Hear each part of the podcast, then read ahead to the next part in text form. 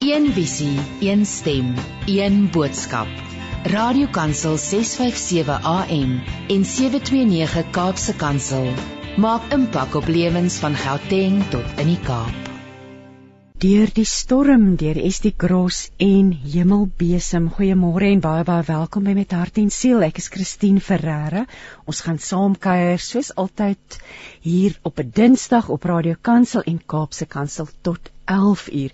Nou vir oggend se program, ja, dit liedjie was dalk 'n bietjie van 'n weggee geweest, maar Estie Gross sit hier by my in die ateljee en ons gaan heerlik gesels oor haar musiek en en en oeg die dinge wat haar inspireer. Ons gaan ook later vir oggend haar splinter nuwe uh, snit, haar gospel snit gaan ons hoor vir die eerste keer En ehm um, ja, so ons gaan Estie gaan nie wees tot ongeveer net so voor 10 en daarna gesels ek met Stefan Jouber.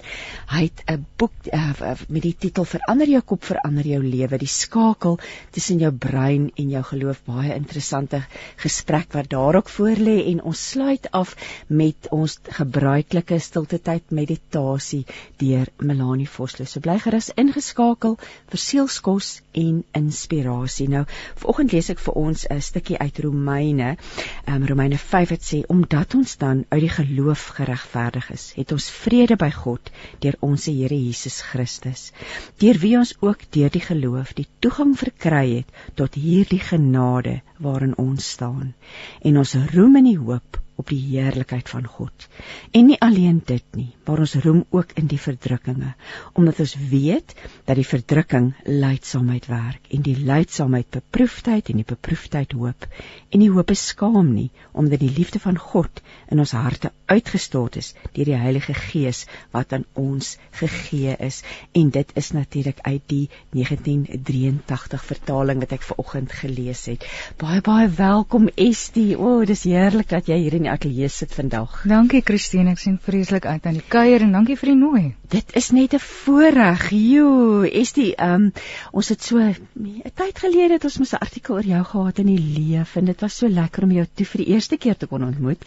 En Ek moet sê Hemelruim was ons gaan nou gesels oor deur die storm maar Hemelruim was die eerste keer dat ek jou hoor sing het en ek het nie geweet dis jy wat sing nie en dit was vir my so mooi. Dit was my so pragtig. Dit is hierdie wonderlike talent wat die Here jou mee geseën het. Baie dankie Christine. Dit voel vir my asof ons sommer nou net die kuier voortsit. Ons sit net die ons het gesê ons gaan weer verder gesels. Ja, ons het nou die geleentheid gekry. Is die kom ons begin voordat ons ons gaan ek dink so teen die einde gesels oor weer klink.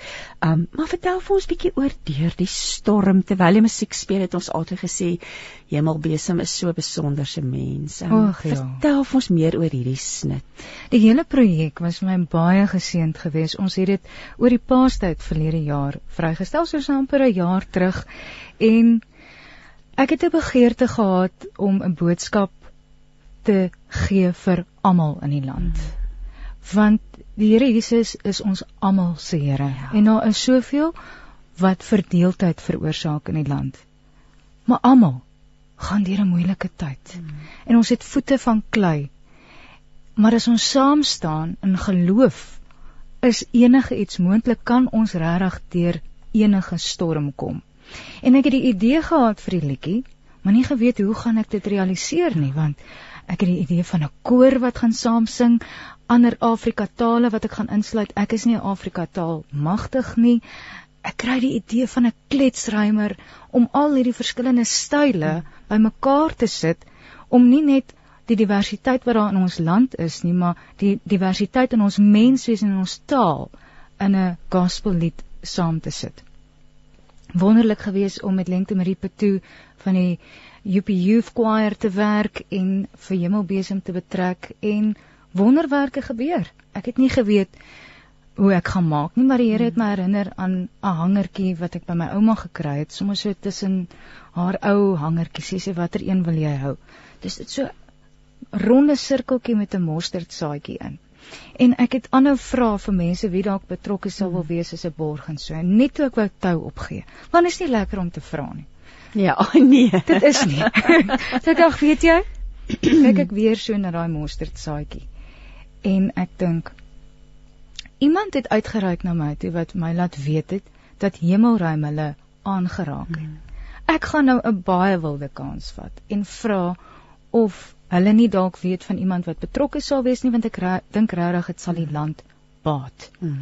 Lang storie kort, die ATKV stem toe in en hulle borg die hele projek want hulle prachtig. sê maar ons staan agter hmm. jou met die boodskap van eenheid hmm. uh en geloof en so kon ons toe nie net die musiek opneem met die fantastiese vervaardiger Gideon Botus en die koor en Hemelbesem nie maar sommer ook 'n musiekvideo ook. Wys jy nou net nie geloof soos 'n mosterdsaadjie. Ek het nou nou wou ek vra oor hmm. oor daardie hangertjie van jou ouma maar wat geloof soos 'n mosterdsaadjie en, en en kyk nou net dit probeer nog net een keer. Ja. En ek dink Wat sou gebeur het as ek tou hmm. opgegee? En ons gee maklik op, nê, nee, of ons of nie noodwendig dit nie, ons kom op 'n punt dat ons moedeloos raak nie. Wat die eie ek 'n bietjie voor was ja. van die ego. Ja, want jy voel nou of skaam om te vra, ek ek wil nie weer vra nie en Ja, en hoor nou net daai wonderlike lied. Maar is jou hart op die regte plek? Ja, Dit is altyd my ja, vraag. Ja. Vra ek omdat ek graag ietsie uit wil kry of weet ek dit gaan almal baat? Hmm. En ek dink dis iets wat as jy wonder of jou hart op die regte plek is. Is dit tot seën van die mense wat saam sure. met jou gaan werk? Dis 'n wonderlike benadering. Is dit iets wat ja ja. wat jy kan saai en kan sê maar nie net ek nie, hmm. my medemens ook en my medegelowige ook. En weet jy wat, dit is die dit is so die tydsberekening natuurlik ook. Om in die storm sit maar vreeslik aan die woed geraak. ons is tal. Ons is tal in die middel van 'n stal in 'n storm. Ons is vol gedurig in 'n storm, so dit maar vertel 'n bietjie vir my waar het jou liefde vir musiek vandaan gekom? Het jy musiek studeer? Wat waar het dit alles vandaan gekom? Ek dink ek is 'n musikant in wese. Ek sal nooit vergeet toe ek uh as kind op my fiets gery het en net hardop gesing het nie en gelukkig. Hmm. Ek is gelukkig as ek sing. En ek dink dit is hoe jy weet iets is jou roeping en dat jy hier is om dit te doen. Ek's baie versigtig met die term roeping. Hmm. En jy kan jouself baie keer bind ook om te sê maar ek is nou net dit is nou die een ding mm. waarvoor ek hier is. Ons moet versigtig wees oor wat ons kies om te glo en wat die waarheid is. Ek weet nou of jy sommer vra. Ja. Jy is nou met soveel wysheid hier besig om te praat, maar hoe het mens dan die onderskeiding? Wat die onderskeidingsvermoë? Kom dit maar deur gebed? Ek dink daar kom kruispaaie en ek dink dit kom deur gebed, maar ek vra myself net weer af wat maak my kinderlik gelukkig. Hmm. Want as 'n kind het jy geweet. Hmm. Op die fiets gery en gesing en in twee die tweede deel van my vraag het musiek gaan studeer. Ek het musiek gaan studeer vir 'n wyle en toe ek kommunikasie gaan swat. Ek het 'n lieflike mentor gehad, Tannie Erna Grimbeek wat ek begin het met sanglesse toe ek 13, 14 jaar oud was en ehm um, toe later besluit om eerder in journalistiek en kommunikasie hmm. in te gaan omdat die klassieke musiekopleiding wat ek gekry het my baie gebaat het met mm. tegniek maar ek wou nog altyd so bietjie van 'n musiekrebel wees ja so met genre speel en wat ons nou luister is 'n gospel en 'n popliedjie ja. en 'n uh, eh, rap en rap en crossover wat het jy ons het nou nog gepraat van die mooi woord so ja. ek hou van die eklektiese mm. aard van musiek so alhoewel ek 'n groot liefde het vir klassieke musiek mm. is dit vir my belangrik en vind ek vreugde daaruit om crossover musiek, hmm. grensverskuivende musiek te maak wat jy verskillende style bymekaar uitbring. En speel jy enige instrumente? Weet jy, ek kan so 3 drukke op die klavier speel, maar ek sal myself nou geensins as 'n pianis uitgee nie. My stem was maar my hoofinstrument wat ek En as jy nou so liedjies skryf, hoe is dit hoe, hoe werk jou proses dan? Jy kan uit die afsig proses klink baie deftig. maar ek sal jou sê hoe gaan hoe werk my proses. Partykeer is dit 'n uh, 'n sin wat in my kop opkom of ek begin net so bietjie speel met 'n druk en ek dink maar hierdie melodie bevat vir my emosie en pas by aan waar ek hmm. nou is. Baie keer vra mense, is dit eers die liriek en dan die musiek? Hmm. In my geval meerendeels kom hulle gewoonlik saam, word hulle saamgebore, maar ek het 'n hele notaboek met 'n paar verse wat nog nie klaar is met hulle geboorte nie. Hulle wag nog vir hulle hmm. koor, maar daai verse is al reg. So ek glo daaraan om net die hele tyd te skryf en gedagtes rond te opkom. Te sit want hulle sal wel by mekaar uitkom. Terwyl ehm um, deur die storm was is net eenvoudig maklik geweest om te skryf.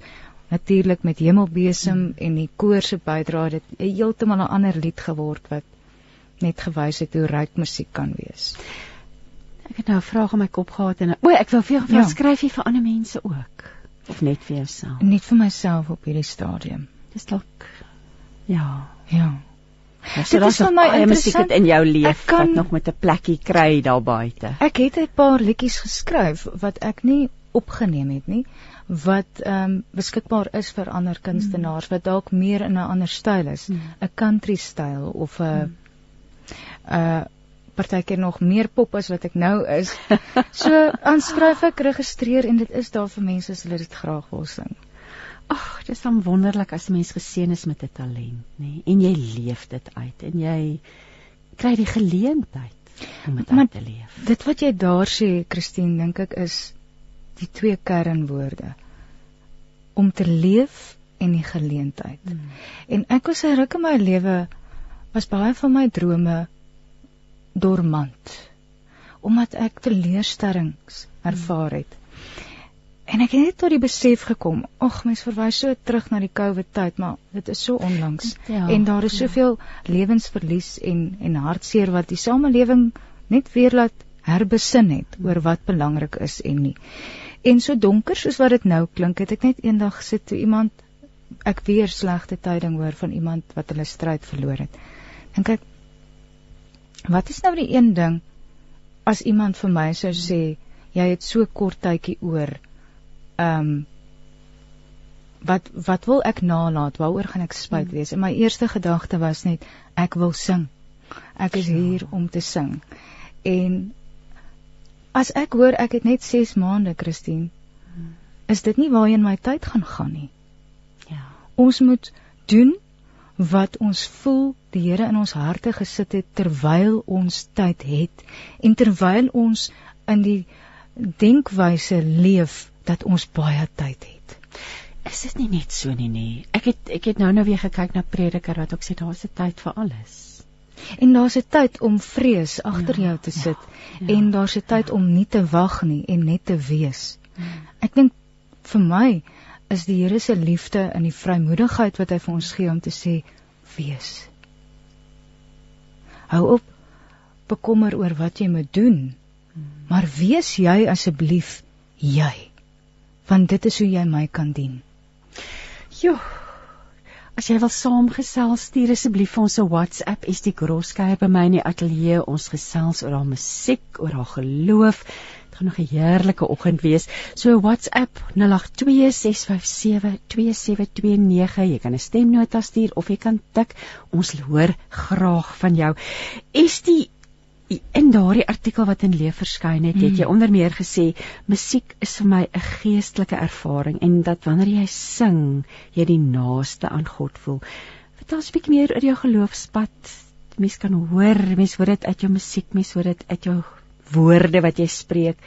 Jy loop 'n naby pad met die Here, maar vertel ons 'n bietjie meer, wat bedoel jy met hierdie dit laat jou die naaste aan God voel? Ek kom terug by daardie gevoel wat jy eers gehad het van 'n veerligte lewe. Mm, wonderlik. Ons word so afgetrek deur gravitasie aspekte van die lewe, die sorge. Maar wanneer ek sing, voel ek die meeste ek. Mm. En raak al hierdie ander dinge net klein. En vir my die grootste voorreg en seën is iemand wat na my toe kom en vir my sê maar dit wat jy gesing het het my diep aangeraak. En dit dit gee vir my genoeg rede. Weet jy want dit is die ander kant van die munt is natuurlik jy wat sing met hierdie vreugde in jou hart met hierdie koneksie met die Here maar ons wat luister jy deel daai ervaring met ons. Dankie mm. Christine. En weet jy senuwees is nog steeds. maar vir my ook daarby om bietjie te vergeet van jouself. Mm. En dis amper selfsugtig in aanhalings om jou passie so voluit te leef. Want ek doen dit werklik omdat dit vir my lekker is en dit gee mm. vir my vreugde. Maar ons moet mekaar meer aanmoedig om dit te doen wat aan jou vreugde verskaf want dit is aansteeklik. Jo, dit jy sê nou 'n belangrike ding wat ek dink ons voel dikwels so swaar gelaai met plig. Daardie plig is 'n ja. verskriklike swaar las wat ons op onsself plaas en dan vergeet jy mos van wat die Here gesê het. Hy het mm. al die werk gedoen. Dit is volbring. Mm. Jy staan in verhouding. En ek is baie bewus van my eie tekortkominge as mens. So om ek sê voete van klei. Maar dit is juis die oomblik wat ek sê maar ek weet nie. As ek 'n lied opgedra het aan die Here of dit 'n sukses gaan wees of hoeveel mense gaan luister nie. Maar ek sê dit is wat ek gevoel het ek moet doen. Hmm. Dit was wat in my hart is. Ek laat dit nou oor aan U. Dis nie meer daai druk op my nie. En die ander belangrike woord wat jy gebruik het is aansteeklik. Want ek dink ons is ook op 'n plek wat ons so maklik mekaar aansteek met negativiteit op die oomblik. Dis baie en ons moet so waak daarteenoor. Beerdkrag is nogal 'n versoeking. nee, dit is 'n goeie vriend wat altyd sê dit bring my in oordeel, nie noodwendig die beerdkrag nie, maar ek dink dit bring ons ons moet dis nou wat ons dink ek getoets word op die tong, die mag van die hmm. tong en dat ons ons moet nie in in in leef in in in in on in on ontkenning nie. Nee. Maar daai aansteeklikheid en wonderlikheid van musiek, ag so baie mense weet en waarvan ons nou praat dat as jy oomblik wat jy daai liedjie hoor of wat jy sit jou jou jou um, aanbiddingsmusiek aan lig jou gees nê absoluut. Die Here praat so deur musiek dis 'n wonderlike wonderlike ding wat hy vir die mens geskenk het nê regtig waar dit is 'n klankbaan wat jy kies vir jou dag. Ja Dis mooi, nê? Hoe begin jy jou dag? Want ons kan nogal droewig opstaan. Ooh, ek moet sê vir oggend het was ek na die lang naweek was die mens nie vreeslik met gemak vinnig ek flink uit die vere. Hmm, ons almal is nie 'n stukkie sonskyn as jy daar op straaltjie ja, sonskyn. Kom, maar ek wil nou met jou praat oor oor hemelruim. Ons gaan nou nou met hemel oor hemelruim um, of na hemelruim luister. O, oh, dis van een van my gunsteling liedere, liedjies, songs. Wat noem ons dit? Ons het so ons uh, vertel vir ons 'n bietjie oor die hemelruim en waar die idee vandaan gekom het en oh, baie dankie Christine. Daardie liedjie was deel van die dormante tyd van my musiek. Het uh seker vir 10 jaar die lirieke in my lesenaar gelê. Maar ek het net geweet, ek het net geweet my 'n mm, uh, deel van my lewensboodskap is daarin verweef en dit is vreemd hoe profeties hemelruim toe was en hoe dit uitgespeel het in my eie lewe. Hy het gekom voor um, deur die, die storm. storm. Dit ja. is die, ja, ja. Ja. Hemelruim gaan juist daaroor dat ons almal drome het en dat jy daardie drome moet uitleef hmm. en die manna moet gaan optel wat die Here vir jou elke dag gee ek het hierdie dringendheid in my gehad om te weet dat alhoewel dit hierdie droom is van my het ons nie onbeperkte tyd nie.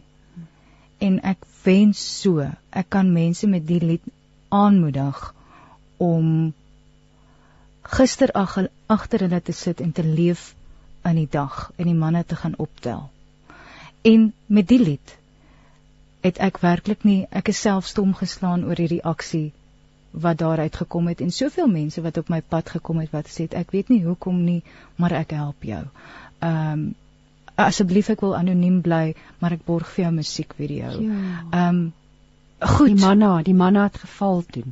Want ek het vir die Here gesê goed, ek gaan 'n tree uit geloof uitgee. En ek het nie toe en ek dink dit is 'n iets waarvoor Christene versigtig moet wees, 'n duidelike teken of 'n boodskap gekry van as jy dit doen, gaan dit 'n sukses wees nie. Ek moes myself net weer eens in my hart afvra, wat is my intensie? Waar lê my hart hiermee? En dit was my so lekker om saam so met Len Miller ook die liedjie op te neem. Hy bring regtig iets baie spesiaal daaraan en ook so talentvolle kunstenaar. Ek dink ons kan nou nie anders. Ek kan nie wag om dit te speel nie. kan nie anders om nou te luister na Hemel ruim nie. En dit is Estie saam met Len Miller. Een visie, een stem, een boodskap. Radiokansel 657 AM en 729 Kaapse Kansel Maak impak op lewens van Gauteng tot in die Kaap. Dis fantasties lekker om vir jou hier op Radio Pulpit te hoor. Uh dankie dat jy jou gawes met ons almal deel. Groete Tracy. Ag, wat 'n mooi boodskap van Tracy en die liedjie waarna Dankie, ons geluister het is natuurlik Hemelruim gesing deur Estie Crossie by my in die ateljee saam met Len Miller. Um jy het nie nou gesing nie, maar dis die liedjie. o, oh, wat 'n wonder. Kom ons gesels, het, jy het al begin praat oor hoe die voorsiening gekom het, maar kom ons gesels oor voorsiening mm -hmm. en die plek wat dit en die weet die rol wat dit in jou lewe speel en jou belewenis daarvan. Ek het besef vir mense te keuse elke dag of jy wil glo in 'n ekonomie van skaarsheid of in 'n ekonomie van ehm um, beskikbaarheid en oorvloed. En Jesus het wanneer hy voorsien het, nooit net genoeg gegee nie, hy het mm. altyd in oorvloed gegee met daardie mandjies broodjies en die visse en was dit nie van net wat jy nodig het nie. Jy is meer as versadig in sy teenwoordigheid. En dit is iets wat ek probeer onthou want met die moeilike omstandighede waarin ons bevind in die land, is dit baie maklik om in daardie stryk te verval.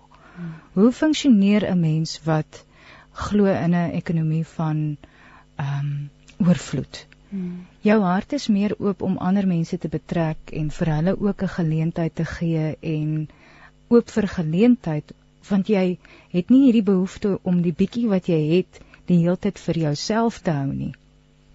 En hoe meer mededeelsaam jy raak, hoe meer is daar om mee te deel en hoe meer is jou lewe verryk. Ek is nie 'n fantastiese pianis nie, daarom werk ek saam met 'n begeleier wanneer ek optree. En watter seën is dit vir my om saam met iemand musiek te maak? Die oomblik wat ek besef het maar ek hoef nie in alles ook goed te wees nie. Daar is mense wat regtig gawes gekry het wat spesialiseer in wat hulle doen. Het daar vir my 'n nuwe wêreld oopgegaan en dit gee plek maak plek vir ander. Da, dit maak om plek vir talente, hulle roeping uit om hulle roeping uit te leef. En weer eens, ons is nie alleen op hierdie aarde nie. Ons kan so dikwels voel ons moet alles alleen dra. 'n Geweldige las wat nie nodig is nie. Nee. Jy sê ook ek vra God vir wysheid vir alles wat ek aanpak. Kom ons praat bietjie daaroor want sonder God se leiding maak ons maar foute nie. O ag, ek maak elke dag foute. maar wysheid kom gewoonlik wanneer jy uit die gejaag 'n bietjie stil word. En dink aan 'n moeilike situasie wat jy dalk nou moet hanteer met iemand. En dikwels wanneer jy dit dan net oorgee aan die Here, dan ontvou alles soos dit moet of gee hy vir jou die regte woord. Ek wou nou die dag ongeduldig raak met iemand. En toe kyk ek net so na die persoon toe kyk ek, hoe was jou oggend? Ek dink net, mm. hoe was hierdie persoon se oggend? En waardeur is hulle en wat lê nog voor? En so. ewe skielik het ek meer empatie. En besef ek maar mm. vir my om nou nors en knorrig te wees, dit is net nie die moeite werd nie. Vra eerder hoe gaan dit met jou? Ja. En mens gaan eerder verhoudinge bou as wat jy in 1 sekond 'n verhouding so skade kan doen deur uit 'n 'n plek van emosie op te tree. Dis nou optree met wysheid, nê. Nee. Ek probeer Christine, so maar ek gee myself nie uit as die wyse nie. weet jy maar ek dink weer eens, die woord is daar.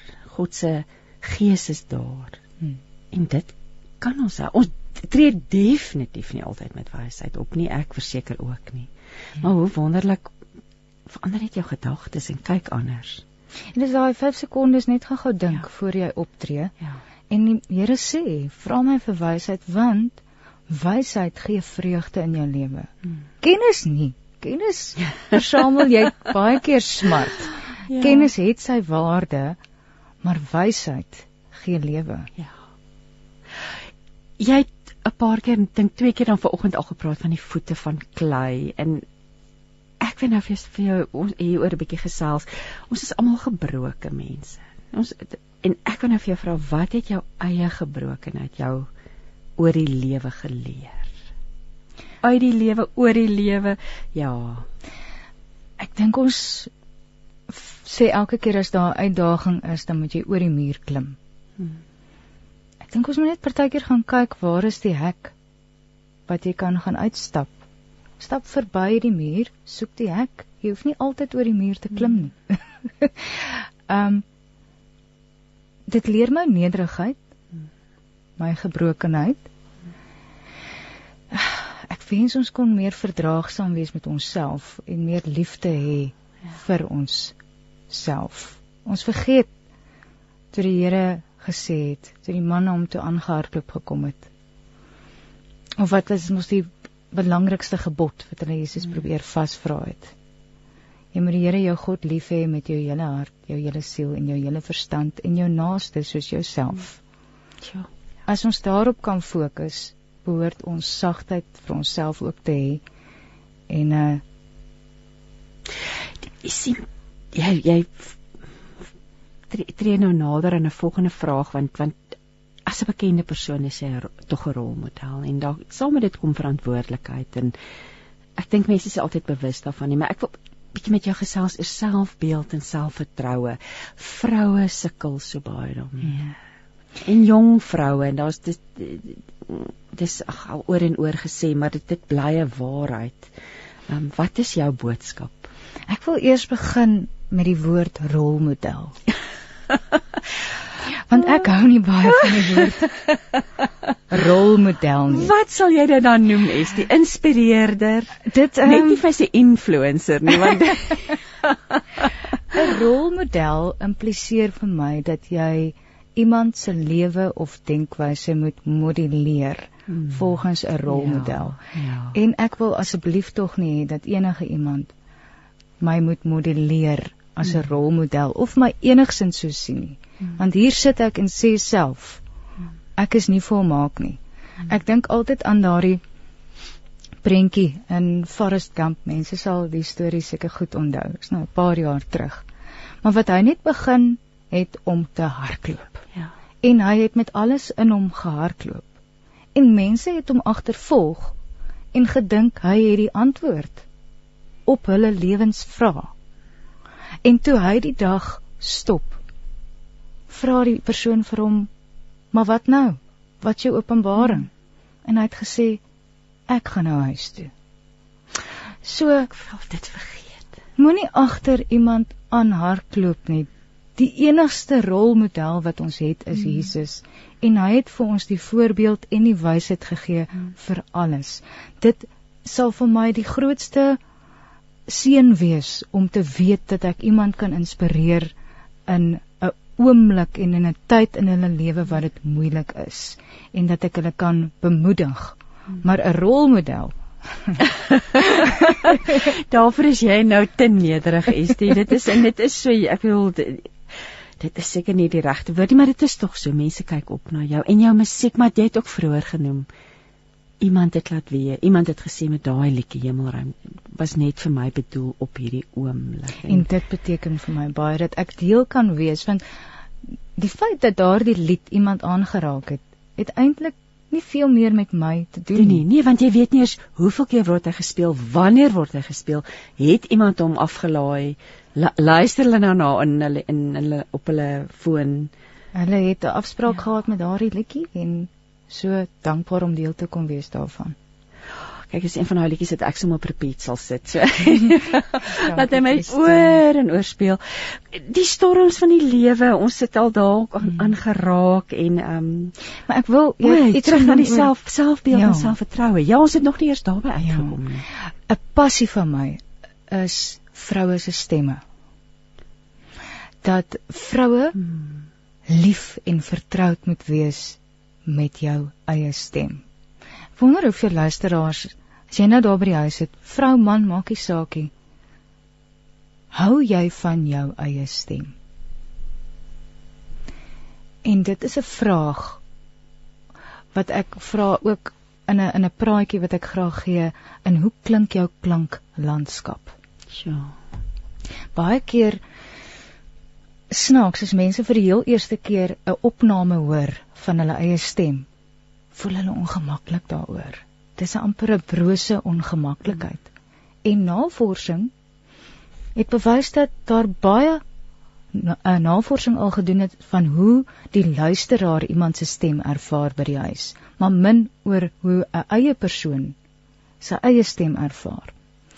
Volgens die teorie is jy ongemaklik as jy die eerste keer jou stem hoor want jy ontbloot iets van jou klanklandskap, jou menswees, jou ongeredigeerde weergawe van jouself aan die wêreld.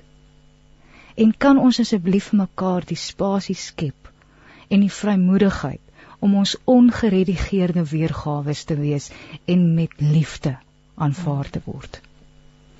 Sjoe. En ek dink nou aan ek wil die eerste gedie daai eerste skreekie wat 'n baba gee. Nee, daai ongeskoms in die wêreld, daai binnekoms in die wêreld en dit is so en baie stemme word ook natuurlik stil gemaak. Ja. Stil gemaak of daar word gesê uh vroue veral, jy praat te hoog, jy praat te vinnig, um, praat te veel, jy praat te veel.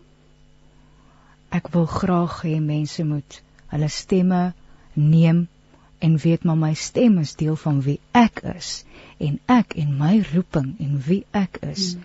Sal nie stil gemaak word nie want ek het soveel om te bied as jy tog net my kans gee om te wys wie ek is. Hmm. Pragtig wat jy nou sê. Jy sê nog 'n ding wat baie mooi is. Jy sê vir my selfs 'n alledaagse dag nooit bloot alledaags nie. Alledaags nie, nie as ek alles aan God oorgee nie. Ja.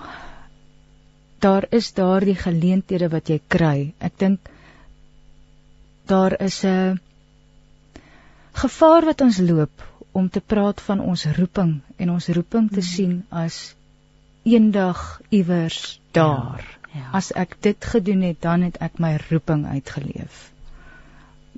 Dit is vandag. Jou roeping is besig om af te speel vandag. Om te probeer goed wees teenoor die een langs jou. Dis jou roeping. Sensitief te wees vir wat die Here vir jou wys in daardie ene. Die roeping is nie ver en onbereikbaar en daar iewers op 'n sandduin nie. Dit is vandag. En dan word die elke dag nie meer alledaags nie. Nee, want jy is besig met 'n baie belangrike taak, jou lewe. En dit verander natuurlik mense perspektief van dan kyk jy anders.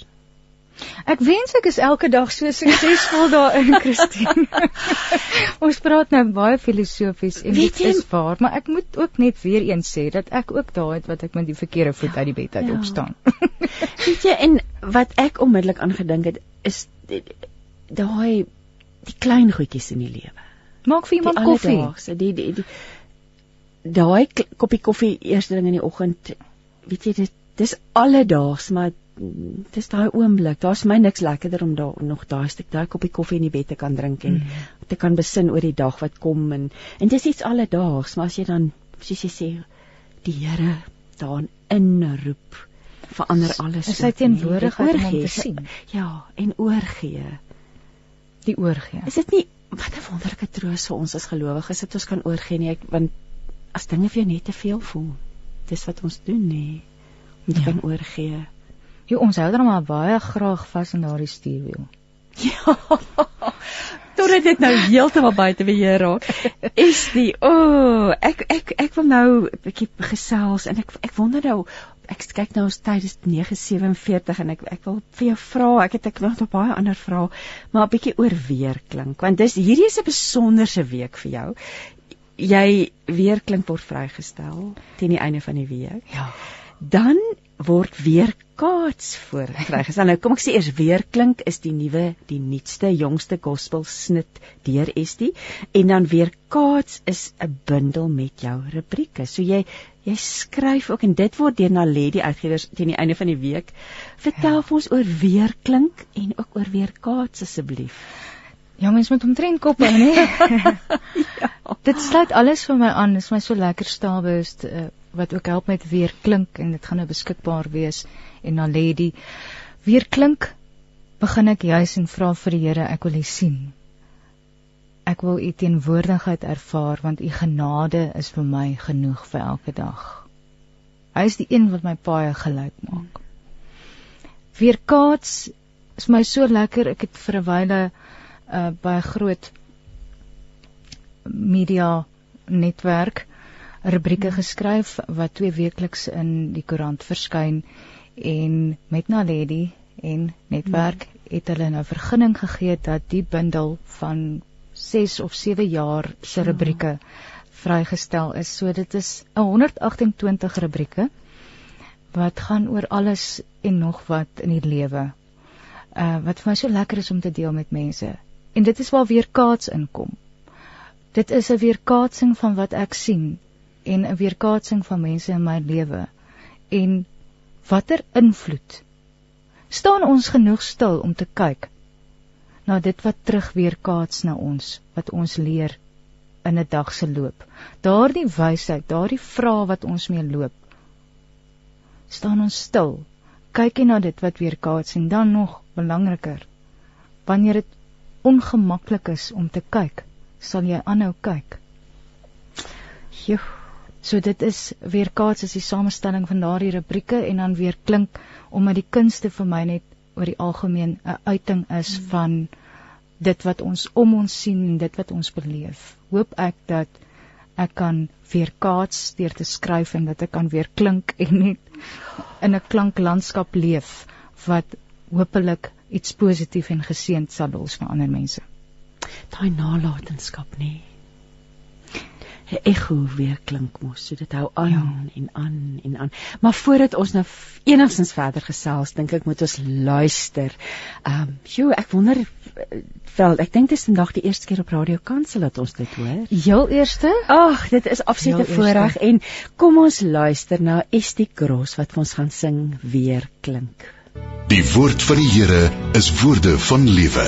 Jy hoor dit op 657 Radio Kansel en 729 Kaapse Kansel.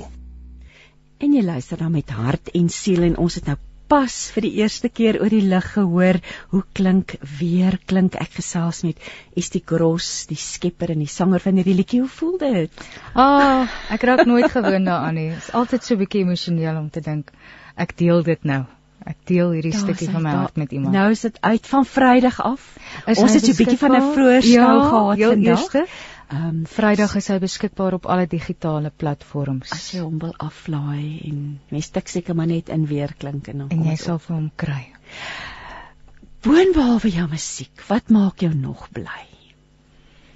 Wat maak my bly?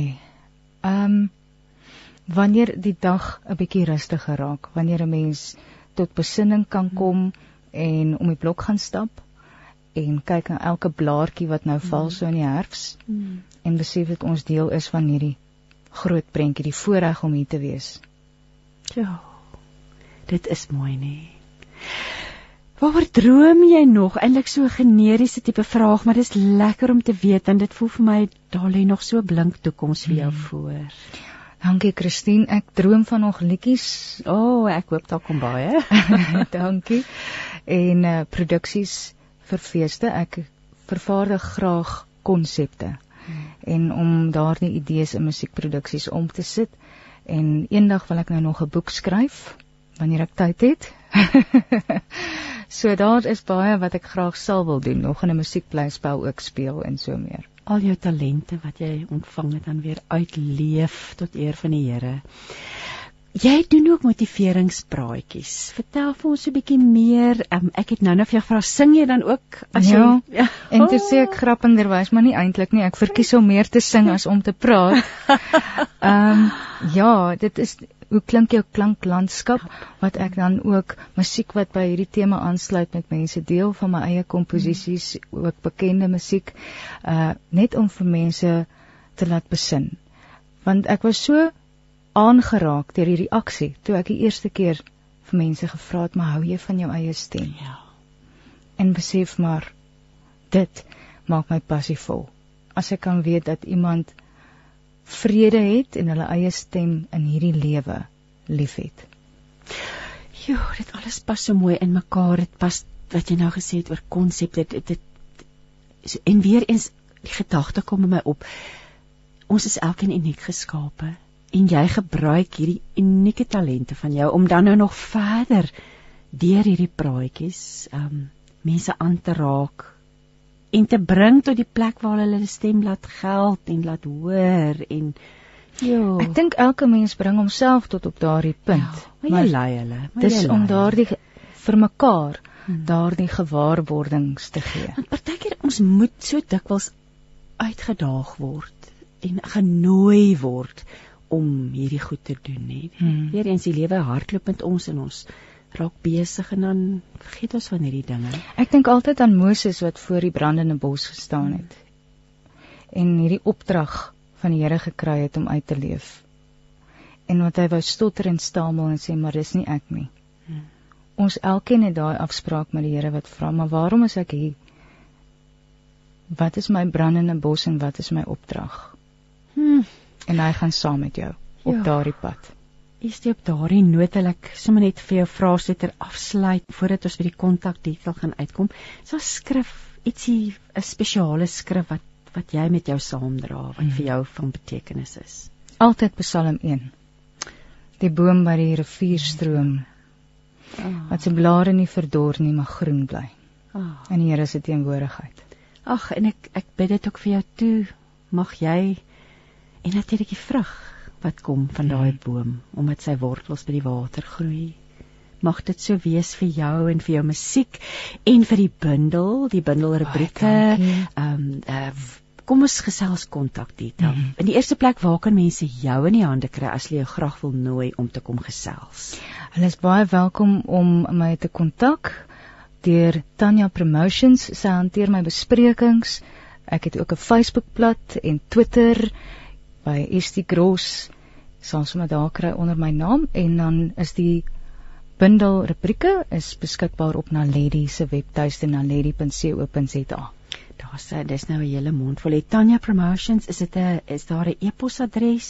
Kan haar sommer ook op Op Facebook of jy kan ook net oral op- sal haar kry Okay, en dis- of kan my kontak en dan sal ek jou verwys na Tanya. Okay, so dis Tanya Promotions as jy belangstel dat Estie by jou vroueoggend of jou geleentheid wil moet kom gesels. Um en dan kan mens net intik Estie Cross, dan gaan alles opkom YouTube, die liedjies gaan daar die wees daar. en die bundel weer kaats, die bundel rubrieke sal dan ook van Vrydag af um beskikbaar wees by Naledi. Ag Estie, wonderlik geweest om met jou te gesels. Dankie Um, vir die nooi Christine weer eens en dit was ja, heerlik absoluut. geweest. En en en ons bid regtig die Here se rykste seën oor jou toe en jou musiek mag jy ons nog verryk, ons lewens verryk met baie mooi musiek. So Baie dankie. Seën vir jou ook en vir die stasie en dankie, Dankie. ook vir die boodskap wat jy uitdra om mense elke dag te bemoedig. dit is ons voorreg en nou gaan ons skuif na Tanya Strauss toe. en Ons gaan luister na Tanya wat vir ons sing Ek sal nie twyfel. Absoluut. Een visie, een stem, een boodskap. Radiokansel 657 AM en 729 Kaapse Kansel maak impak op lewens van Gauteng tot in die Kaap.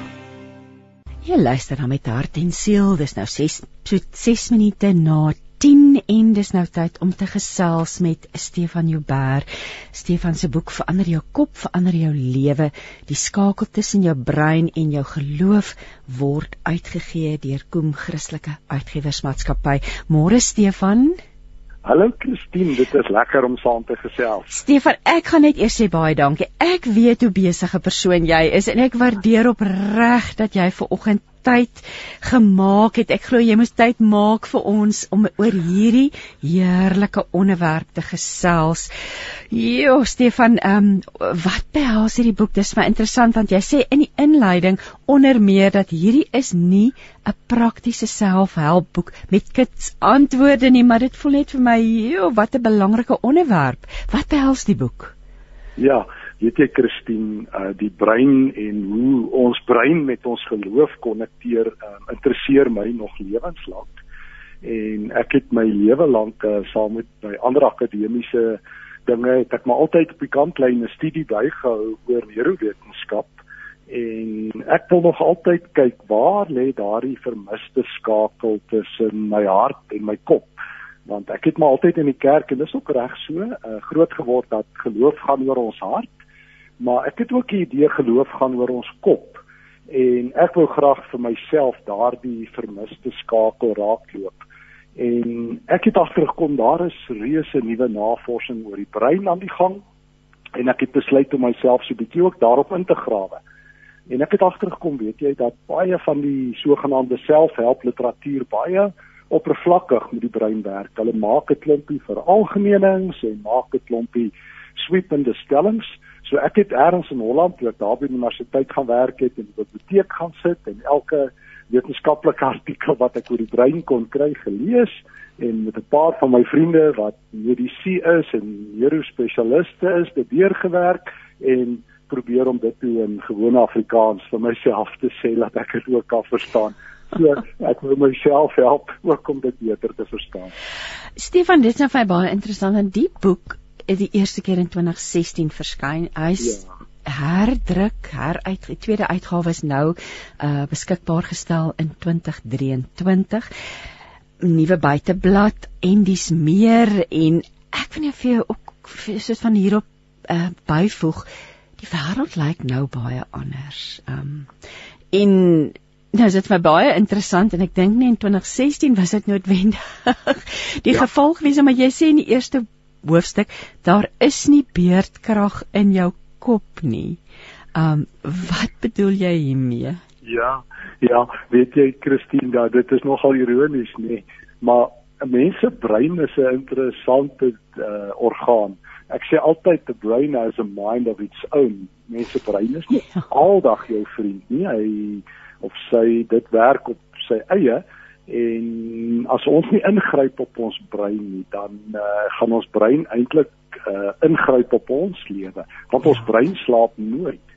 Die interessante is dat uh, ouens wys ook vir ons dat terwyl 'n mens slaap, is mense brein dikwels meer aktief in sekere fases van slaap as wat dit is as wanneer ek wakker is en sê nou maar net relatief passief na 'n uh, televisieprogram sit en kyk. So ons brein rus nie in die sin dat dit afskakel ooit nie. Maar ons brein maak seker dat ons afskakel. Hulle sê uh, 'n studietjie wat ek nou die dag ook raak geloop het dat mens dagdroom 46% van die tyd dan hardloop jou brein eintlik op op die wat is die Afrikaanse woord autopilot op outomaties en wil eintlik nie jy moet dink nie want as jy dink gebruik jou brein energie en jou brein het net 20% energie. Dis eintlik die orgaan wat die meeste energie in ons liggaam gebruik. 'n hele vyfde van al ons liggaam se energie gaan na die brein toe en ons brein wil daardie energie goed bestuur. So dit slaap nooit, maar dit wil eintlik vir ons die indruk skep dat ons nie altyd te uh, aktief met ons brein moet wees nie. Mens word moeg as jy dink, nê. Nee, jy sal ook weet.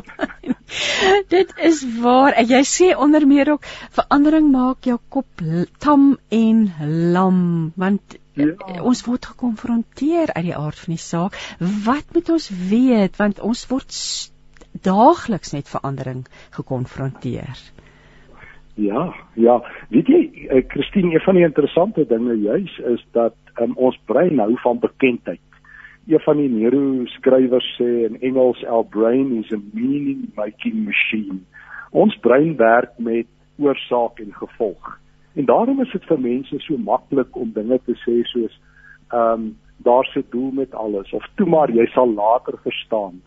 Want ons brein probeer sin maak van enigiets mens kan die Engelse so uitdrukking to connect the dots om die kolletjies te hmm. konnekteer.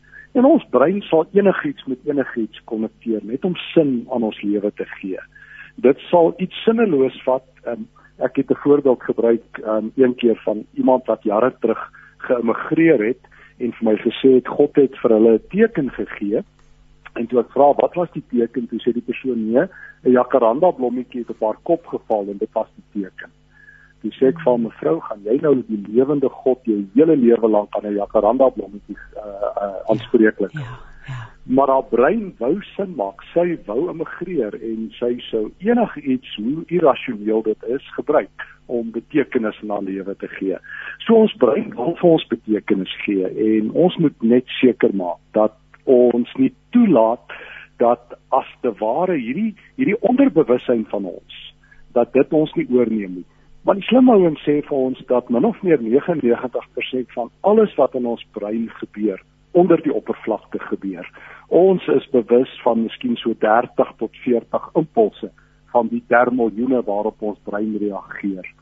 Maar ons wil en dit is belangrik, my en jou wil moet ingryp. Ons moet wil om anderster te dink, anderster te sien en ander koneksies te maak. Anderster gaan die lewe en ons brein met ons part te speel. Jo Stefan, jy die verander jou kop dan verander jou lewe sê jy. En ja, maar dit ja. klink so maklik en jy het nou al soveel inligting gedeel wat mense eintlik net dink weer eens probeer sin maak van. Ja. Verander jou kop dan verander jou lewe sê jy, maar dit dit ja. klink maklik. Maar hoe kry jy ja. mense reg? Ja, dit is so 'n belangrike vraag, Christine. As ek mag, die Bybel het 'n paar baie interessante dinge en en en en Paulus het net name 'n klomp baie konkrete dinge gesê oor kan ek dit maar noem kop bestuur. En al het Paulus nie die fisiologie van die brein geken nie, hy hoef ook nie het hy geestelike beginsels neergelê. En een van die vir my die belangrikste is wat hy in Kolossense 3 vers 1 en 2 sê: rig julle gedagtes op die dinge daarbo.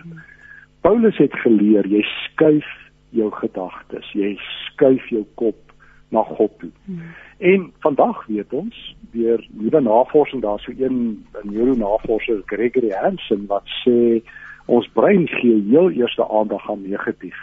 Negatief kry altyd meer aandag as positief. Ons brein spandeer meer tyd aan slegte nuus as aan goeie nuus. Ek doen altyd vir myself so toets dan sure. kyk ek sommer as ek as ek die koerant digitaal lees dan het die koerant ook altyd so 'n kolom mees geleesde artikels wat mense op die internet kan sien en 90% van die mees geleesde artikels is negatief. En en Gregory Hansen sê ons brein, hy sê our brain is like um velcro for negative and teflon for positive. Met ander woorde, ons brein trek soos velcro negatief aan. Maar waarom sal dit wees, Stefan? Wat ja, wat is die rede daarvoor? Ja. Weet jy, van die neurobioloog vertel ons dat dit 'n oorlewingsmeganisme. In ons brein het ons wat mens noem 'n lae en 'n hoë brein. En ons lae brein het twee sulke orgaantjies wat dit veral bestuur. Dit staan bekend as die amygdala. Dit is 'n orgaan wat dit sit so in albei hemisfere van die brein en die amygdala onder andere bestuur vrees. En die oomblik as die amygdala vrees optel en van die vinnigste reaksies wat al in die brein gemeet is word in die vreesrespons gemeet.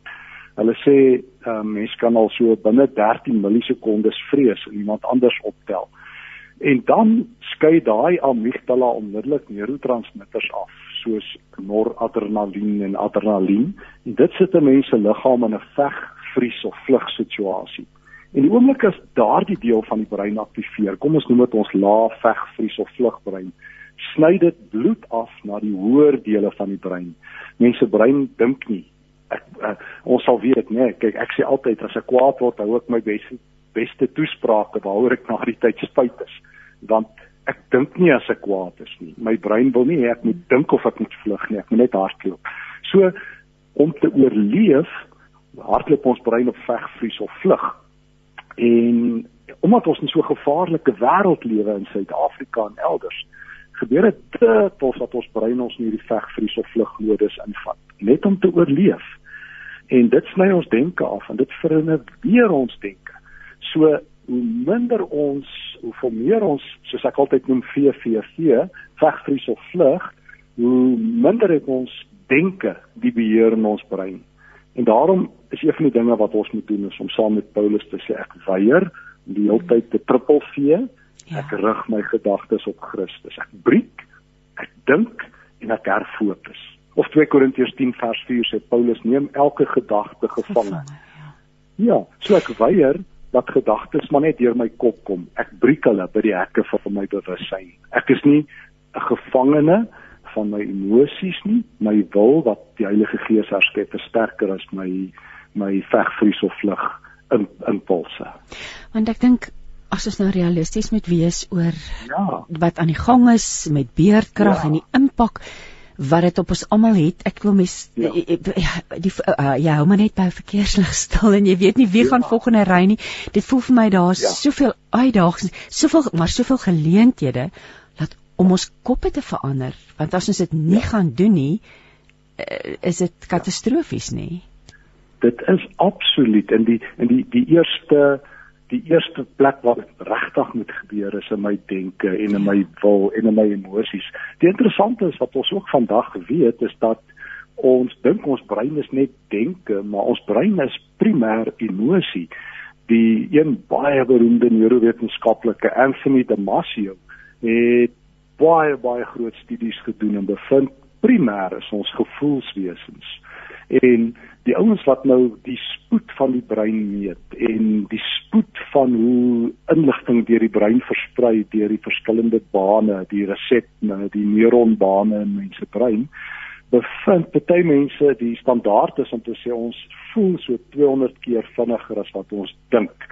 Party mense vat dit tot 'n miljoen keer vinniger.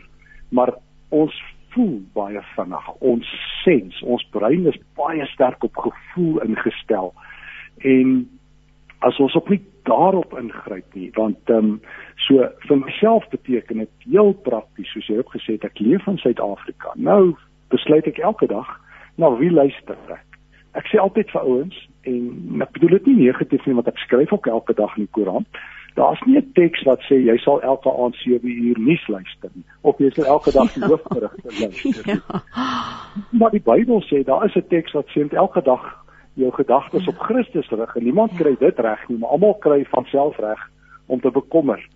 Ek het nog nooit nodig gehad om 'n kursus aan te bied hoe om meer te stres nie. Almal kry dit reg of hoe om minder kwaad te word nie of om hoe om meer mense te haat nie, want daar's altyd plek in my hart vir nog iemand om te haat en meer te stres.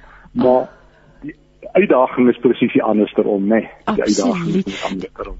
Maar dit is ook nog vir interessant jy skryf jou gevoelens en jou denke is vriende wanneer jou kop ja. op die pad van wysheid leef want jy het nou ja. verwys daar's die brein is emosie die brein ja. is denke maar dan ja.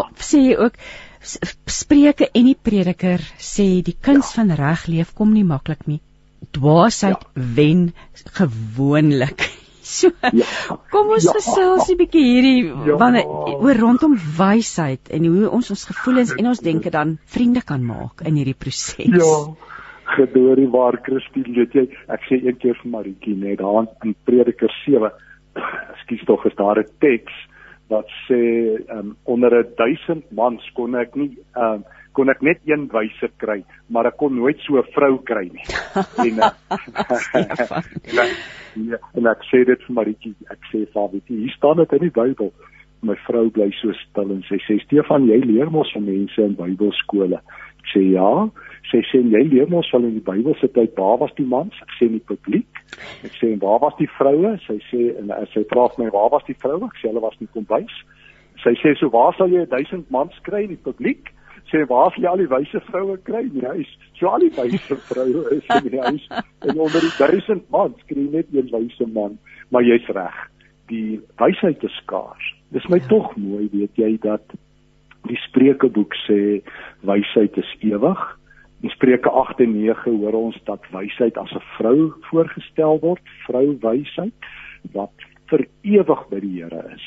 En dwaasheid is hierdie word ook as 'n vrou voorgestel, maar sy's tydelik.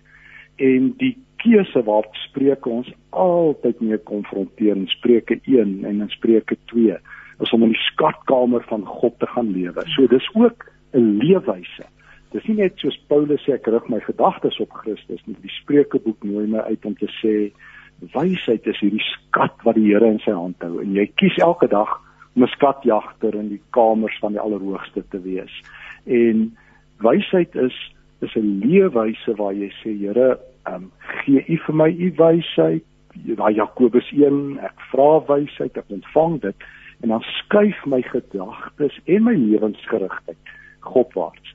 So deel van die bestuur van my brein beteken ek stuur ook my liggaam en my emosies en my wil doelbewus op God se pad en ek begin doelbewuste handelinge van wysheid aanleer.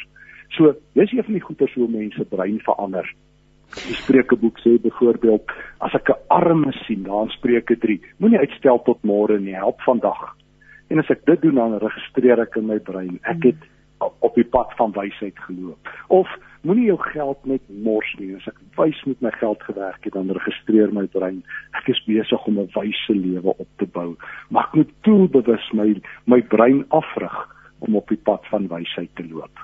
Dis eintlik maar interessant hoe baie skrifverwysings daar is na jou gedagtes, na die brein, ja. ag jou denke.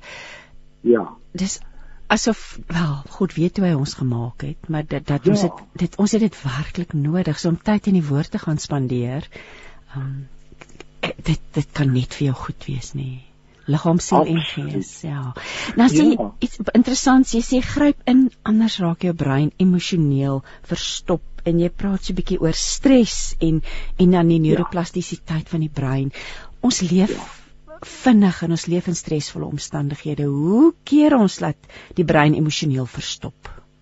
Ja, weet jy Christine, een van die groot ontdekkings wat die breinnavorsers oor die afgelope klompe jare gedoen het, is dat hulle noem die brein is plasties. Hulle praat van neuroplastisiteit wat beteken die brein verander. Ons is nie so gemaak en so gelaat staan nie. Ons brein verander en dit verander redelik vinnig ook. Ehm um, negatiewe impulse het 'n groot effek op ons brein. Ehm um, ek ons ken uh, Amerikaanse vriende, die vrou is 'n groot genetiese navorser en ons praat uh, so 'n paar weke gelede met mekaar so op Zoom en sy vertel vir ons van nuwe studies in Amerika waar hulle selfs bevind het dat dat mense gene verander van die soldate wat in die oorlog was, Amerikaanse soldate het teruggekom en 'n genetiese struktuur het onder stres verander en dit is volwasse mans. So dit sê vir ons hoe ontvanklik die brein is vir ehm um, vir invloede van buite af. Ons praat van nature versus nurture. Die dit wat ek geneties geërf het versus die invloed van my omgewing. En as ek toelaat dat ek my omgewing te veel op my brein inspel, dan dan verander selfs die fisiologie van my brein. Dan dan is om negatief te wees later nie maar net 'n emosie dit word as te ware in my karakter in my materiaal neergelê en daarom dat ek my brein so moet oppas daarom in die taal van van van spreuke 4 wat hy nou wel oor die hart praat moet ek my brein oppas want dit is baie gevaarlik dat ander mense bepaal wat ek dink of dat die koerant bepaal wat ek dink of dat die lewe bepaal wat ek dink. Ek moet toelaat dat God en sy woord en dit vra soos jy gesê het refleksie dink diep keuses herskuif van my gedagtes oor en oor elke dag. En natuurlik daar's die vorming van die breinpaadjies nuwe breinpaadjies daar word so baie daaroor gesels maar nou skryf jy so mooi vir my jy sê gaan skuil by die Here laat sy gees toe om af te reken met die hindernisse op jou pad dan krimp en verweer daardie roetes in jou kop wat werktuie ja. van vernietiging geword het. Uiters belangrike ja. woorde Stefan. Ja, Christine, hulle het 'n interessante studie gedoen in 'n klomp jare terug in Amerika wat bekend gestaan het as White Bear Thoughts waar 'n ou vir mense gesê het, um, skryf neer wat jy alles dink die volgende 5 minute en dan hmm. skryf dit klomp af. Wat so 'n kontrolegroep as hulle skryf neer wat jy dink, maar moet net nie aan 'n wit beer dink nie en toe dink almal aan dit weer. Toe het hulle agtergekom ons brein kan nie 'n dubbele negatiewe dink nie. So as ek vir my brein sê moenie aan 'n wit beer dink nie, dan vra my brein een, waaraan moet ek nie dink nie? Wit beere. O ja, ek moenie aan wit beere dink nie. Dan versterk my brein eintlik die negatiewe impuls twee keer.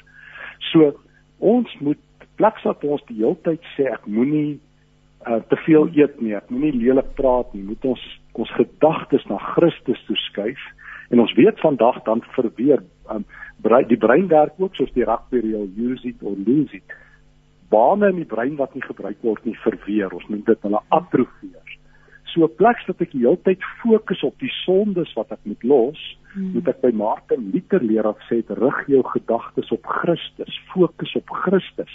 Los die sonde. Los daai stryd wat jy het vir die Here. Hou jou gedagtes op Christus. Dalk sukkel jy met ehm um, uh, slegte gedagtes. Plaks jy nou heeltyd sê ek moenie dit dink nie, ek moenie dit dink nie, ek moenie haat nie, ek moenie vloek nie. Rig jou gedagtes op Christus. Praat alles wat mooi en lofwaardig is, sê Paulus, en die vrede van God sal jou jou gedagtes en jou verstand oorneem. So Paulus roep ons op Filippense 4 juis tot hierdie heilige lewe in Christus waar ons hy sê letterlik dink alles wat mooi en lieflik en waardig is en dan sal God se vrede oor jou hart en jou verstand mag hou. Jo Stefan, dat ons kan so vashak in daardie ja. negatiewe gedagtes en en, en dis ja. asof jy dit amper soos 'n gewoonte toelaat om ja. in jou brein in te kom, ja. vir jou brein dit te laat dink. Um, ja. So so dit is so belangrik. Jy jy skryf ook om jou kop te balanseer en dan jy 'n paar wenke wat jy gee in die ja. boek onder meer sê jy voel en ervaar jou emosies intens en sterk maar sonder om elke keer op sleeptou geneem uh, daardeur ja. geneem te word. Jo, oh, ek dink ons val almal in daardie slaggat. Ja.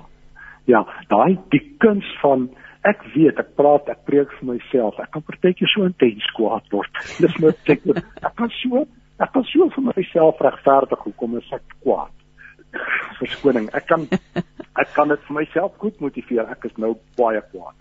Maar net om 'n tree terug te staan. Net om vir myself te sê, Stefan, dink 'n bietjie mooi en om daai woede te laat gaan. As kies tog ek toe keel wat krap. En om dan net daai emosie dop te hou en dit prys te gee, negatiewe emosies, om dit nie huisvesting te gee nie.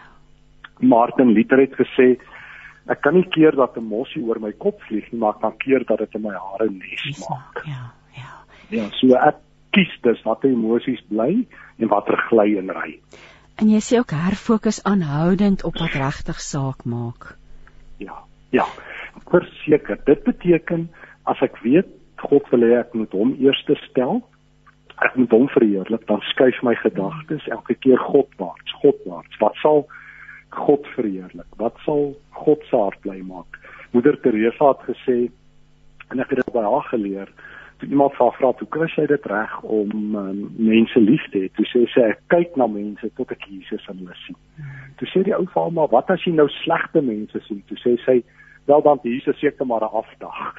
maar sy sy het geleer om te kyk totdat sy Jesus niemand raak kyk. En dit is moeilik, maar dis 'n oefening om te sê sien nou dis die Here Jesus wat 'n persoon langs my sit. Ehm um, want dis tog wat die Hebreërs skrywer sê. Die Hebreërs skrywer sê baie mense het al enkele gehuisves sonder dat hulle dit ja, weet. Ja, ja. Die Abraham hulle. So net dalk het die Here opgedaag en ek het hom misgekyk. So net daai klein skuwe het op die ou end reuse effekte. Dis daai vurk in die pad. Laat nie toelaat dat hierdie gedagte wen nie en ek hou aan dit inoefen en inoefen en uiteindelik môre oor môre het my brein 'n nuwe baan gebou waar ek eerste positief, eerste die Here raak sien en nie eerste negatief nie. Waar ek eerste sien wat doen die kerk reg nie, wat doen hulle verkeerd nie. Waar ek eerste die taxi sien wat vir my 'n plek gee, nie die een wat dit nie doen nie. Want ek kom vanaand by die huis en sê ek gesien hoe ry die taksies, dan was dit een, maar die ander 99 het ek nie raak gesien wat goed gery het nie. Oh, ja. Jy sê ook in daai selfde hoofstuk nog een van die dinge wat 'n mens kan doen is, is omring jouself met wyse mense mens word mense vriende, die mense naby aan jou Christine wat jou meningsvormers is. Die in Engels praat hulle van significant others. Nou wie se opinie luister ek? Ek het al by myself geleer, um, net soos jy, ek moet ook in publiek optree, ek het geleer by 'n Amerikaanse persoon, when criticism comes, a wise person learns how to weigh, not to count.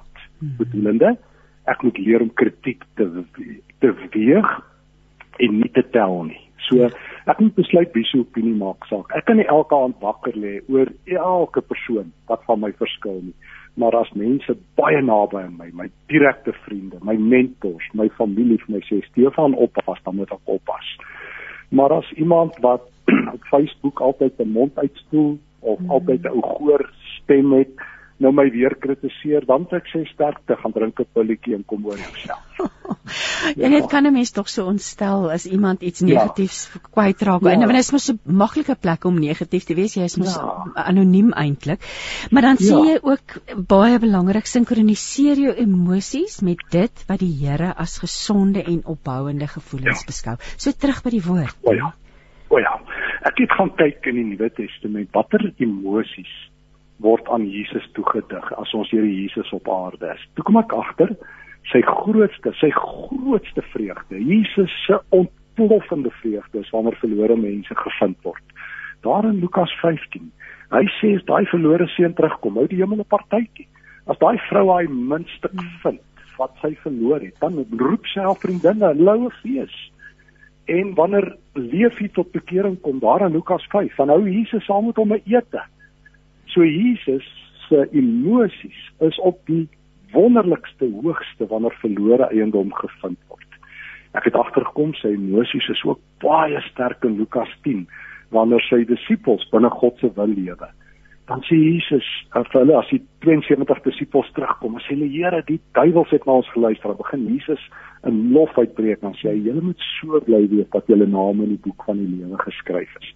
Soos ek agterkom wat maak Jesus bly, dan weet ek dit is God gegeewe emosies en dan volg ek op daai roete. Daar waar verloornis gevind word. Daar waar God se eer gesoek word. Daar waar mense opgebou word in hulle geloof. En dit is my interessant dat Paulus dit ook beskryf as die grootste gawe van die Heilige Gees die opbou van ander mense. So as jy en ek gepraat het en dit het een gelowige opgebou prys die Here dan spring ons oor die dak dan het ons gedoen wat die Here se hart bly maak so as ons daardie emosies kan ek maar so sê kos gee. Ehm um, ons brein oopstel vir dit, dan loop ons met ons lewe binne God se wil. Stefan, ons gaan gou na 'n stukkie musiek luister en dan gaan ons na die breek gesels oor die regte leefskuive wat hierdie nuwe koers in jou kop veroorsaak en ja. en jou en jy verwys in daardie hoofstuk baie na Paulus. Maar kom ons luister eers na musiek. Justin Unger gaan vir ons sing To Know You To Know You Love Me. Een visie, een stem, een boodskap. Radiokansel 657 AM en 729 Kaapse Kansel. Maak impak op lewens van Gauteng tot in die Kaap. Jy luister aan met hart en siel. Ek Christine Ferreira en ek gesels met Stefan Joubert oor verander jou kop verander jou lewe die skakel tussen jou brein en jou geloof. En Annetjie vra waar kan ek inligting oor Stefan se boek in die hande kry?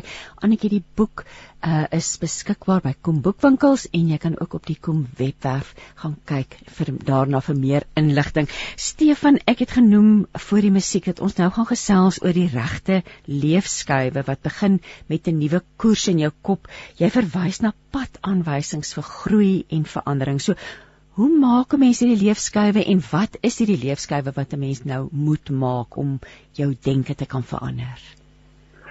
Ehm uh, Christine, ja, weet jy, ek het agtergekom daar's 'n paar dinge wat lewensbelangrik is. Ek moet my kyk verander, ek moet my taal verander en ek moet my lyf agterna skuif.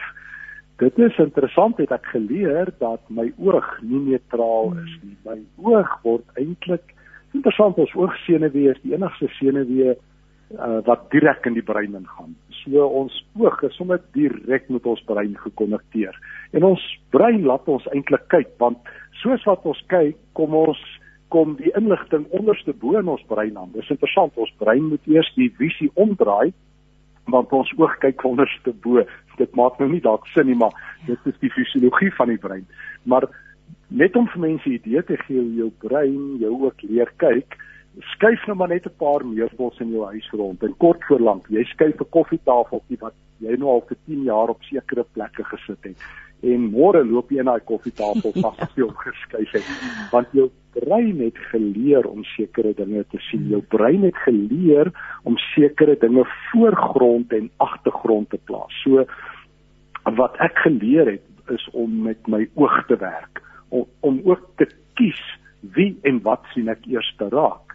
Um, want my brein, daar's so ehm, 'n um, struktuur in my brein, hulle noem dit die RAS-stelsel wat die hele tyd voorgrond en agtergrond want jou brein kan nie aan alles gelyk aandag gee wat jou brein inneem nie. So jou brein kies vir jou.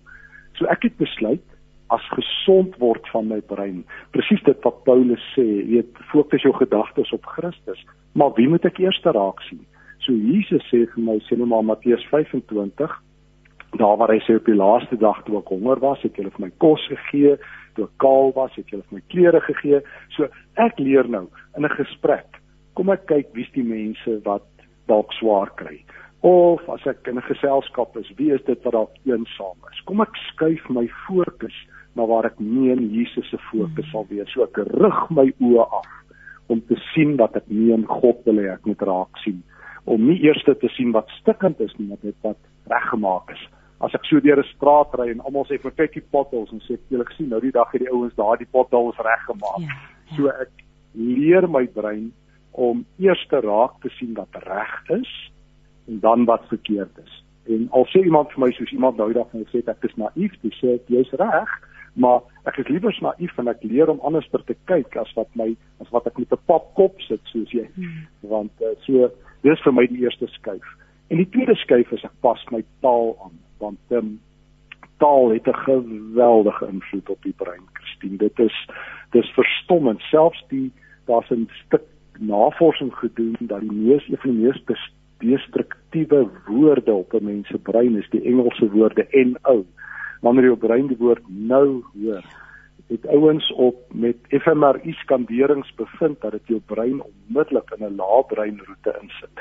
So as ek die heeltyd blootgestel is aan preke of aan boeke of aan mense wat die heeltyd net net sê verkeerd, verkeerd, verkeerd, dit is sonde, dat is sonde, hier is die anti-kris, daar's die anti-kris, dan kweek ek 'n negatiewe godsdiens, ek kweek 'n negatiewe Christendom, ek kweek 'n negatiewe opvoeding.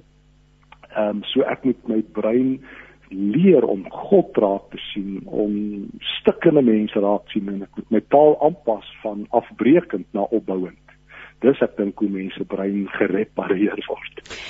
En dan verwys jy ook daarna dat mense wat ernstig is oor die Here wil nie vir altyd op dieselfde plek stil staan in hulle geloofsreis nie. Ja. So daai daai groei en verandering ja. moet ook kom plek vind ja. in ons geloofslewe en ons verhouding met die Here net so.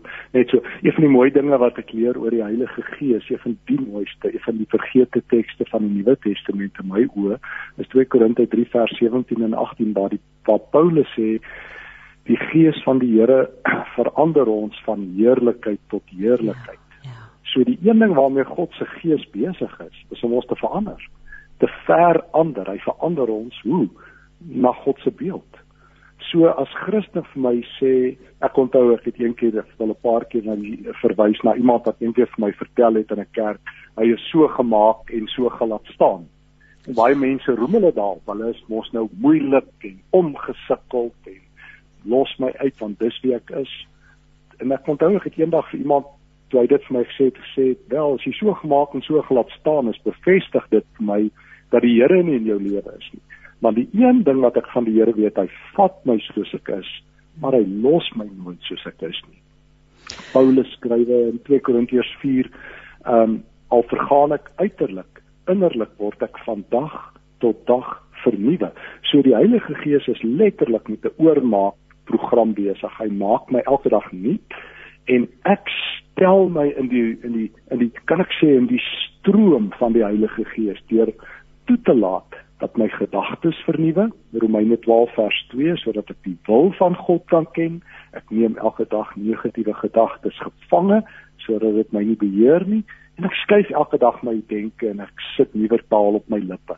En dan is ek besig om in die stroom en in die wind en in die vuur van die Heilige Gees te lewe. Jo Stefan en dis ook wat jy dan doen met slegte herinneringe, slegte gedagtes, ehm um, jy's ja. nie 'n slagoffer nie skryf jy van al hierdie pynlike nee. ervarings nie. Ons kan kies die Here het ons ja. geskape met hierdie vermoë. Maar dit ja. voel of dit dit dit verg doelbewuste weer eens denke nê. Om dit ja, te kan absoluut. doen. Ja, absoluut Christine. Weet jy, ek onthou, ekskuus man, ek bly onder vliegtye, so as jy so vliegtye. Nee, ons hoor ons hoor net vir jou. So jy's jy's jy's veilig. maar die ek het ek ek ek onthou en ek ken so baie mense wat slegte ervarings het, 'n slegte misdaadsituasie, 'n slegte kinderjare. En dit kan 'n mens se lewe oorneem.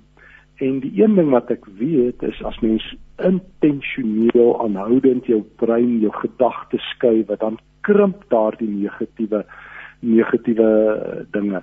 Ek onthou ek was eendag ook met 'n motorkaping en dit het 'n rukkie my kop gemesmeriseer. En toe het ek vir myself geleer om daardie ervaring te krimp. Ek kon letterlik in my gedagtes sien dit dit word al hoe kleiner en, en ek kon sien Christus was by my. Ek onthou juis ook dat ek na die tyd kon sê Here, U was by my in daai situasie en al hoe meer in my brein ook gesien het Christus is in daardie situasie by my gewees. En uiteindelik het dit die houvas, die negatiewe houvas op my lewe verloor en kon dit omdraai in 'n positiewe getuienis dat die Here ook daar is.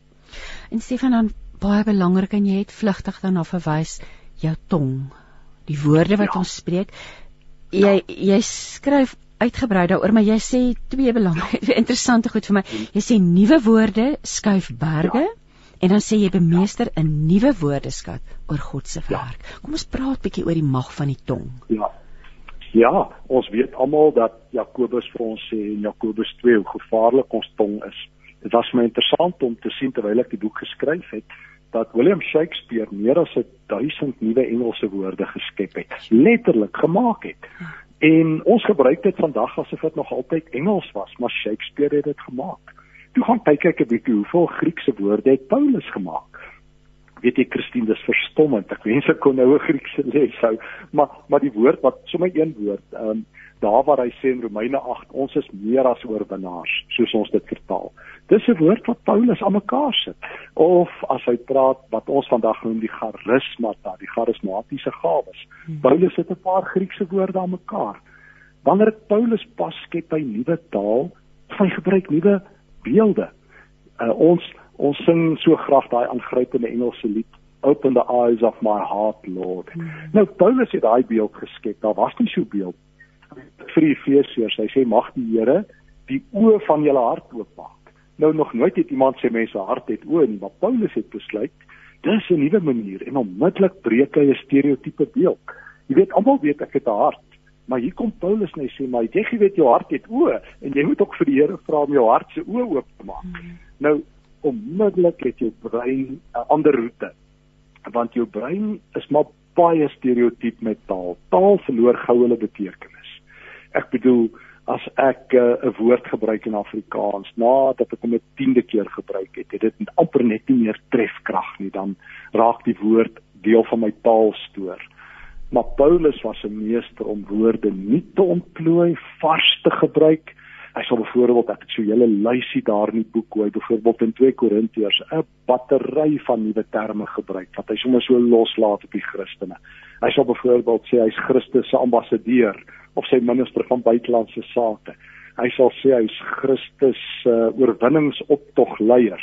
Hy hy's die hele tyd besig om die Korintiërs se se brein te skuif deur nuwe taal, nuwe begrippe en om vars en mooi oor die Here te praat. Ek dink ons kan by Paulus leer. Absoluut. Ons kan 'n bietjie 'n woordeboek vat en sommer nuwe woorde in Afrikaans begin gebruik uh, wat ons nooit gebruik nie. Stefan so ter afsluiting jou laaste hoofstuk en dalk net 'n paar ja. kort gedagtes daaroor en dis ja. eintlik die kruks. Ja.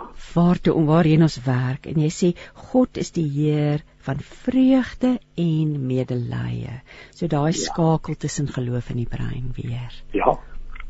O ja, Christine, weet jy, God is die God van vreugde. So maak hy homself bekend. Dit is my so mooi in Hebreërs 1 dat Christus die hoofpriester is wat met vreugde gesalf is. En ons weet vandag dat vreugde en vrees van die sterkste twee teenpole is in ons brein en dat vreugde skaars is maar hoe meer ek my op God se terrein begeef en toelaat dat God my gedagtes verander hoe meer kom die vreugde en die vrede van God die shalom van God en kom die empatie die medelee van God afgedruk in my lewe. En dit is hoe my kop verander en dan volg my gedagtes en my woorde en my gewoontes en my handelinge en my ingesteldheid. Dan dan word ek as heel mens liggaam siel en gees herfokus op God.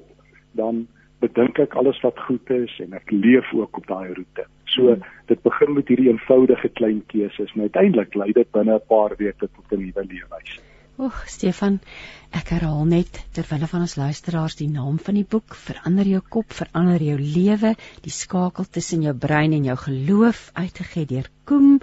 Stefan, verskriklik dankie vir die boek Ach. en ook vir jou tyd vandag. Um dit is absoluut 'n voorreg gewees en 'n inspirasie. En ehm um, ja, alles seën op die werk wat jy doen en dankie dat jy dat jy jou kosbare tyd vanoggend afgestaan het om met ons te gesels. Sjoe, wat 'n eer Christine, dankie vir dat jy ook vir my tyd gemaak het en dankie liewe luisteraars. Stefan, ons gaan uh, afsluit en ja, ek, ek wil nou voordat ons gaan luister na Melanie Vos het, het eers het dit 'n tyd geraak om te groet. Um, dit was so lekker om vandag te gesels met Estie met Stefan en ek vertrou, liewe luisteraar, dat jy geïnspireerd is om ja, jou roeping te leef, om jou gedagtes te verander en natuurlik God eerste te stel en die Gees te vra om jou te help in hierdie proses. Ek sê dankie vir Paul Manne vir sy tegniese ondersteuning en ons sluit af deur te luister soos gebruiklik na Melanie Vosloo se stilte tyd meditasie. Groete tot volgende week dan. Totsiens. Radio wat duisende mense met die woord van Christus bereik. Radio Kansel 657 AM. Jou daaglikse reisgenoot. Welkom by hierdie week se rustig word. 'n tyd waarin jy weer bewus kan word van jouself, die dinge om jou, die emosies en gedagtes in jou en die God wat saam met jou deur die lewe reis. 'n Tyd gelede kyk ons die Netflix reeks Fauda, 'n aangrypend en dikwels ontstellende reeks wat sonder om kant te kies die jarelange stryd en oorlog tussen Israel en Palestina op 'n menslike vlak uitbeeld. Die reeks slaag daarin om aan die kyker die storie van die mense, die gesinne en families agter of dan midde in die konflik uit te beeld.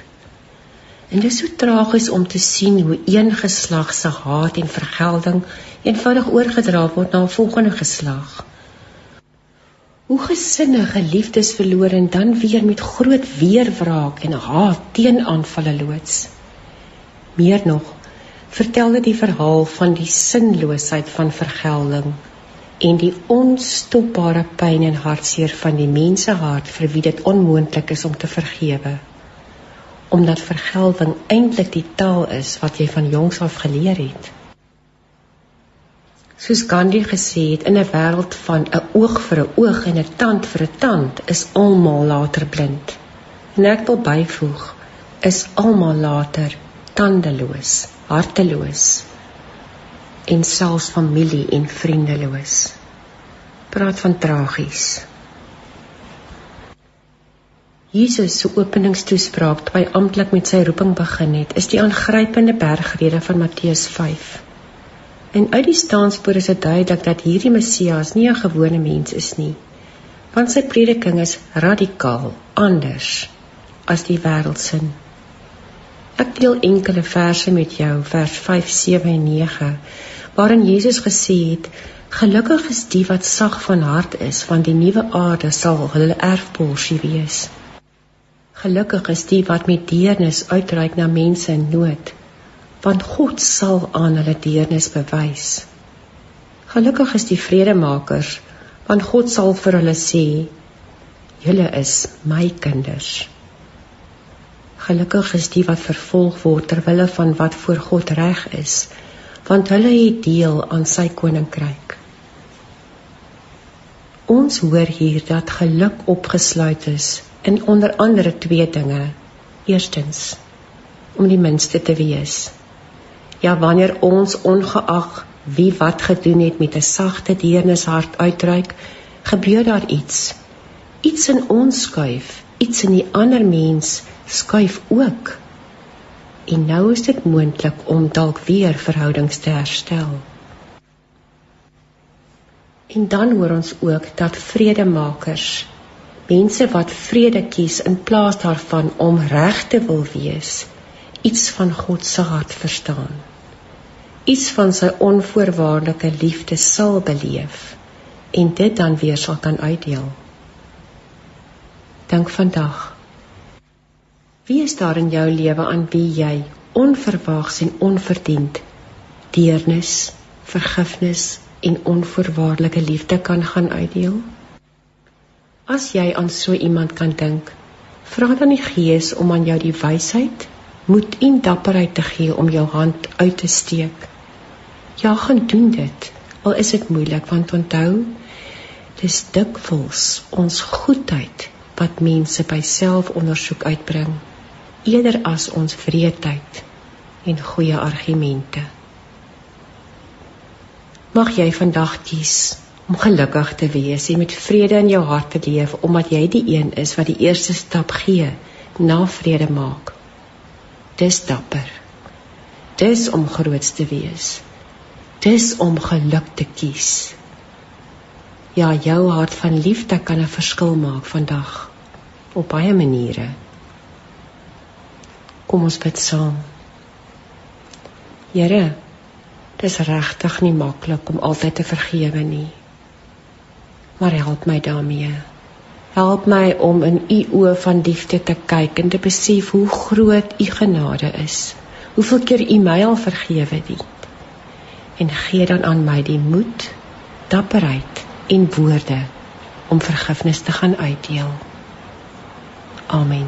Een visie, een stem, een boodskap.